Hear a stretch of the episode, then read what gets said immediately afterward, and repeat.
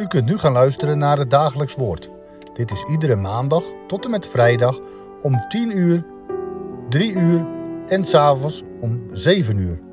Deze meditatie wordt verzorgd door dominee van Zanden.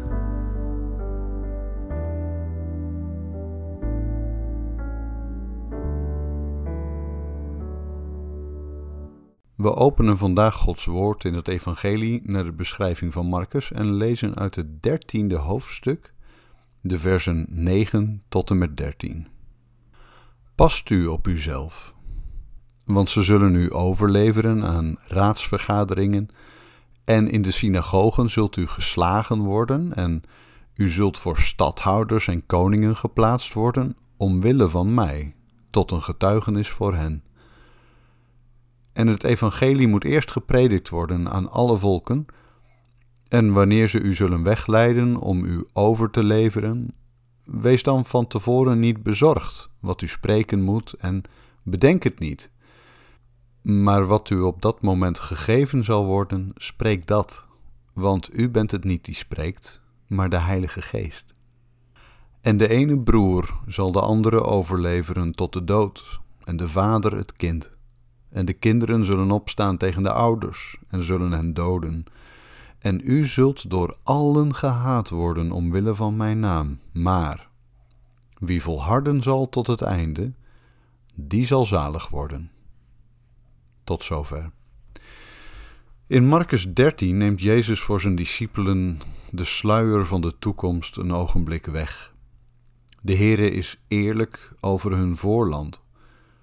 Er staat nog heel wat te gebeuren voordat de mensenzoon in al zijn heerlijkheid zal terugkomen op de wolken, om te oordelen de levenden en de doden, om alle klokken stil te zetten, als de tijd zal overgaan in de eeuwigheid.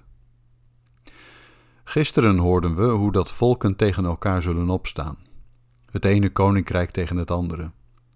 Er zullen aardbevingen komen en hongersnoden en onlusten, beroerten, en dat is dan nog maar het beginsel der smarten. Ergens hoop je dan als christen dat het geloof je voor al die dingen immuun maakt. Dat het geloof is als een paraplu, die je bij je dragen kunt en die je als de lucht betrekt en het dreigt te gaan regenen of hagelen, tevoorschijn kunt halen en uit kunt klappen om je een natte jas en een verpest kapsel te besparen. Of dat het geloof is als een ondoordringbaar schild, waartegen alle dingen die er in de wereld om je heen gebeuren afketsen. Of dat het geloof is als een afstandsbediening, waarmee je onwelgevallige nieuwsberichten kunt wegklikken en dan over kunt schakelen naar Nederland zingt, alsof er niets aan de hand is. Maar de Heere belooft zijn kinderen geen kalme reis.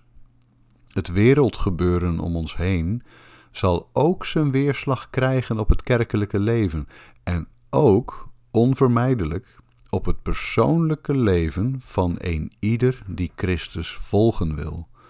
Want dat is een volgen in leven en sterven. In de boodschap die Jezus brengt in onze tekst is hij als de twaalf oud-testamentische verspieders. U weet wel, de twaalf vorsten die voor het volk uit al een kijkje gingen nemen in het beloofde land. Zoals zij terugkwamen en eerlijk vertelden wat het volk nog te wachten zou staan, zo maakt ook Jezus hier het niet mooier dan het is. We horen Jezus zeggen: Past u ook op uzelf. Denk erom. Je zult er niet zonder kleerscheuren doorheen komen. Ze zullen je voor de rechtbank slepen. De godsdienst zal je de rug toekeren. Je zult overgeleverd worden en zelfs in je gezin zullen sommigen van u niet veilig zijn, als je eerlijk uitkomt voor mij en mijn zaak. Dat is een eerlijk woord en dat brachten die twaalf verspieders uit het Oude Testament ook. Wat is er in het beloofde land? Wat staat ons te gebeuren? Nou ja, er zijn reuzen.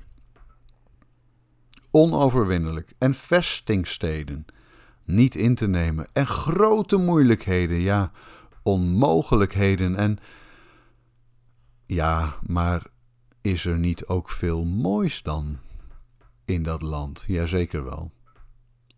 Het vloeit van melk en honing. Daar zijn druiventrossen zo groot dat je ze in je eentje niet dragen kunt. Daar zijn vijgenbomen die altijd bloeien. En daar zijn granaatappelen die hun vrucht geven op zijn tijd. En daar zijn waterbronnen en daar is overvloed. Maar dat andere is er ook. En Jezus staat erop als een nieuwtestamentische Jozua dat het volk dat hem volgen wil, daarvan doordrongen is. In de wereld zult gij verdrukking hebben. Een christen kan meestal best een eindje met de wereld en met de maatschappij meebewegen. En zeker als we leven mogen in een dorp dat nog enigszins christelijk genoemd kan worden, dan gaat het allemaal wel, maar er zal een moment komen dat je toch niet meer mee kunt.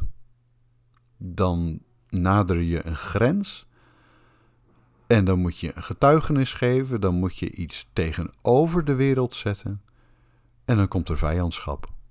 En dat zul je dan ook heel persoonlijk moeten ervaren hoe dat voelt en hoe dat is. Natuurlijk hoop ik dat ik me vergis, maar de afgelopen jaren zijn er ook in Nederland wel wat predikanten geweest die de wind hebben gekregen, omdat ze iets deden vanuit hun geloofsovertuiging dat een ander gedeelte van het Nederlandse volk onwelgevallig was. Ik herinner me dat ik in coronatijd op weg was naar de Petrakerk op Urk om daar een dienst uh, te houden, waarin denk ik hooguit een man of 300 aanwezig kon zijn in verband met de overheidsmaatregelen van onderling afstand houden, weet u nog? De kosters hadden de kerk keurig met lintjes ingedeeld en met stickers beplakt en iedereen kon dan net op anderhalve meter afstand van elkaar zijn plekje innemen om zonder al te zeer tegen de overheid te zondigen onder Gods woord te zijn. Er waren ook andere kerken op Urk die wat soepeler met de overheidsvoorschriften omgingen. Ik heb daar zelf altijd wel sympathiek tegenover gestaan. Ja, het is maar net wat zwaarder wegen mag, toch? De lichamelijke gezondheid of de geestelijke gezondheid? Ons tijdelijke aardse leven dat onvermijdelijk eindigen zal? Of het, het eeuwige leven, de nimmer eindigende eeuwigheid, die komt en nooit meer eindigen zal. Bij onze buren van de gereformeerde gemeente stonden een paar journalisten voor de deur. Dat zag ik zo in het voorbijgaan. Ze drukten op, ja, als u het mij vraagt, op een behoorlijk onbeschofte manier kerkgangers een microfoon onder de neus. Om te vragen wat ze in dat kerkgebouw van plan waren te doen. En u weet hoe dat dan gaat. Zodra de camera wat sappige beelden heeft opgenomen van een kerkganger die een opdringerige journalist een duwtje geeft met zijn auto, waren de journalisten weer gevlogen. Zomaar een incidentje toch. Nou, u moest eens weten wat er zich achter de schermen heeft afgespeeld. Wat voor een telefoontjes er werden gepleegd naar de pastorie van onze geliefde broeder dominee de Waard of naar de koster van de Sionkerk, of zelfs naar onze eigen kosters van de gereformeerde kerk, want dat er verschil is tussen het ene en het andere kerkverband, dat weet natuurlijk niemand. Ja, dan komt het dichtbij. Als je met een verslagen koster aan tafel zit, dan voel je iets van wat Jezus zegt. Het zal ook niet gemakkelijk wezen. Je zult ook heel wat op je aanzien komen. Ons is ook geen kalme reis beloofd. Maar de Heere zet er wel wat tegenover. Een behouden aankomst. En daarom gaan we toch moedig voort. Moedig, sterk in zijn kracht en gerust in zijn bescherming. Want, zegt de gelovige, ik bouw op u. En ik ga in uw naam. We eindigen met gebed, onze Vader, die in de hemelen zijt. Uw naam worden geheiligd, uw koninkrijk komen. uw wil geschieden, gelijk in de hemel, als ook op de aarde. Geef ons heden ons dagelijks brood en vergeef ons onze schulden, gelijk ook wij vergeven onze schuldenaren. En leid ons niet in verzoeking, maar verlos ons van de boze. Want uw is het koninkrijk, en de kracht en de heerlijkheid in der eeuwigheid. Amen.